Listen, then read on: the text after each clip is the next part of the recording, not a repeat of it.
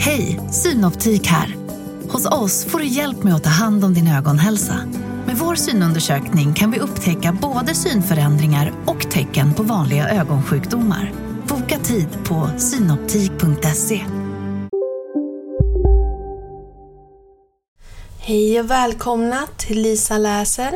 Det är jag som är Lisa och idag ska jag läsa Lillebror klämmer handen.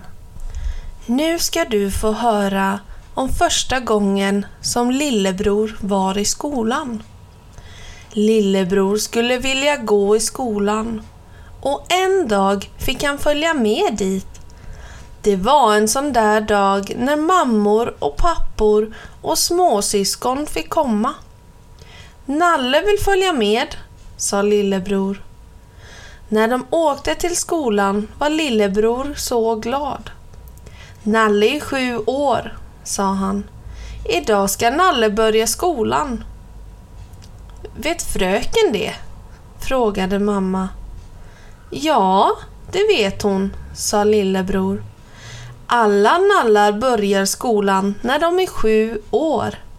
Ja, och om hon inte vet det så får du väl berätta det för henne, sa mamma. När de kom fram sa lillebror Titta Nalle, vad många skolbarn! De gick in på skolgården. Var är dörren? frågade lillebror. Där, sa mamma. Vi går in, sa lillebror. Det ska bli jättekul. Men det blev det inte. Dörren till skolan var stor och tung och hade en dörrstängare uppe på. En sån där grej som gör att dörren stänger sig självt. Lillebror hade aldrig sett någon dörrstängare förut. Så precis när mamma hade öppnat dörren så stannade han och höll handen bakom sig och då slog hela dörren igen. Pang! Rakt på hans hand. Han slängde upp Nalle i luften och skrek. Det bara rann blod om handen. Nalle ramlade på golvet. Mamma fick upp dörren och lillebror grät. Mamma lyfte upp honom och försökte rota i sin väska. Och skolbarn kom springande och undrade vem som grät så högt. Och inte hade mamma något plåster i väskan och ingen näsduk. Titta! ropade skolbarnen. Blod på golvet! Det skulle inte räcka med plåster och lillebror grät. Titta! ropade skolbarnen. Blod på nallen! Och fröken kom springande. Har ni gasbinda? Sa mamma.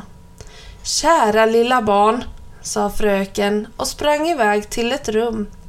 Skolbarnen sprang efter och lillebror, han grät ännu mer. Skolbarnen trampade på Nalle. Mamma lyfte upp Nalle och höll på att tappa lillebror. Och lillebror kramade Nalle. Och det kom mera blod på Nalle och blod på mamma. Åh, jag har glömt min nyckel, sa fröken och sprang iväg igen. Mamma såg ett handfat och gick dit. Titta! ropade skolbarnen. Man ser på blodet vart de går. Mamma spolade vatten på lillebrors fingrar. Det var bra. Vattnet i handfatet blev rött av blod och Nalle blev blöt och lillebror grät. Fröken kom med en nyckel. Hon sprang in i rummet och drog ut en låda och tog fram sax och plåster. Nej! sa lillebror. Gasbinda! Och visst blev det gasbinda. Mycket gasbinda. Hela handen försvann. Det var bara gasbinda alltihop. Och så började lillebror sluta gråta. Och så bad fröken Lillebror att hålla upp sin hand så att skolbarnen som stod i dörren fick se. Så fick de gå sen. Då gjorde han det. Och så gick de. Och så grät han inte mer, men han hade fullt med tårar kvar i ögonen.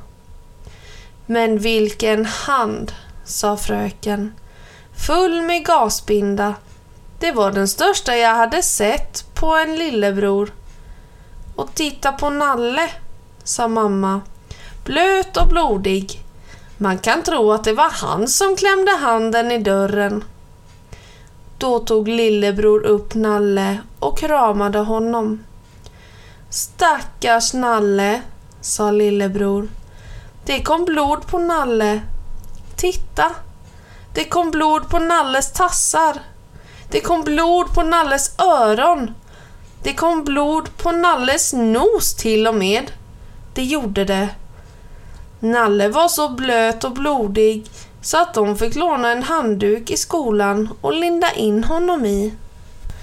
När de åkte hem i bilen sa mamma Tänk, det var första gången du var i skolan och så såg du bara dörren och ett handfat och rummet där de har plåster och gasbinda. Lillebror och Nalle satt och höll om varann. Lillebror grät lite. Det gjorde ont. Och så pratade lillebror om såna där dörrstängare. Då grät han rätt mycket igen. När de kom hem var pappa hemma. Då berättade lillebror allt ihop för honom. Pappa fick se handen. Det hade blött igenom gasbindan som fröken hade satt på, så de fick byta. Det gjorde ont hela kvällen. Lillebror fick en halv värktablett. Han var så trött. Han fick ligga i mammas och pappas säng. Den är så stor. Nästan hela han låg under täcket.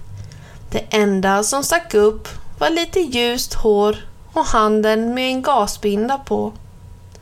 Han somnade. Mamma och pappa gick och tittade till honom flera gånger. Mamma tvättade Nalle. Allt blodet gick inte bort. Och så vaknade lillebror. Jag vill ha Nalle, sa han. Men han är blöt, sa mamma. Nu, sa lillebror. Mamma hämtade Nalle. Han fick ligga i sängen med två stora handdukar om sig. Hon undrade hur hon kunde vara så dum så att hon skulle kunna tvätta Nalle nu när de behövde varann som bäst. Det är blod på Nalle, sa lillebror. Han tittade på Nalle. Tänk att de trampade på dig, sa han. Efter en stund sov de igen. När lillebror vaknade på morgonen sa han Nu du, Nalle lilla, ska vi gå ut i köket. Jag ska berätta för dig hur det är. Han steg upp ur sängen. Han öppnade dörren. Och titta där uppe. Ingen dörrstängare. Du behöver inte vara rädd, Nalle. Den här dörren stänger man bakom sig så här. Han stängde dörren bakom sig. Och nu är vi i köket. Här ska vi äta frukost och sen när vi ska ut, då behöver du inte vara rädd heller. För vi har ingen dörr med dörrstängare i hela huset. Bra va? Och så satt de där på varsin stol. Den ena med hela handen i gasbinda och den andra med blod på. Och de såg lika nöjda ut båda två, lillebror och Nalle. Och snipp, snapp, snut så var denna saga om lillebror och Nalle slut.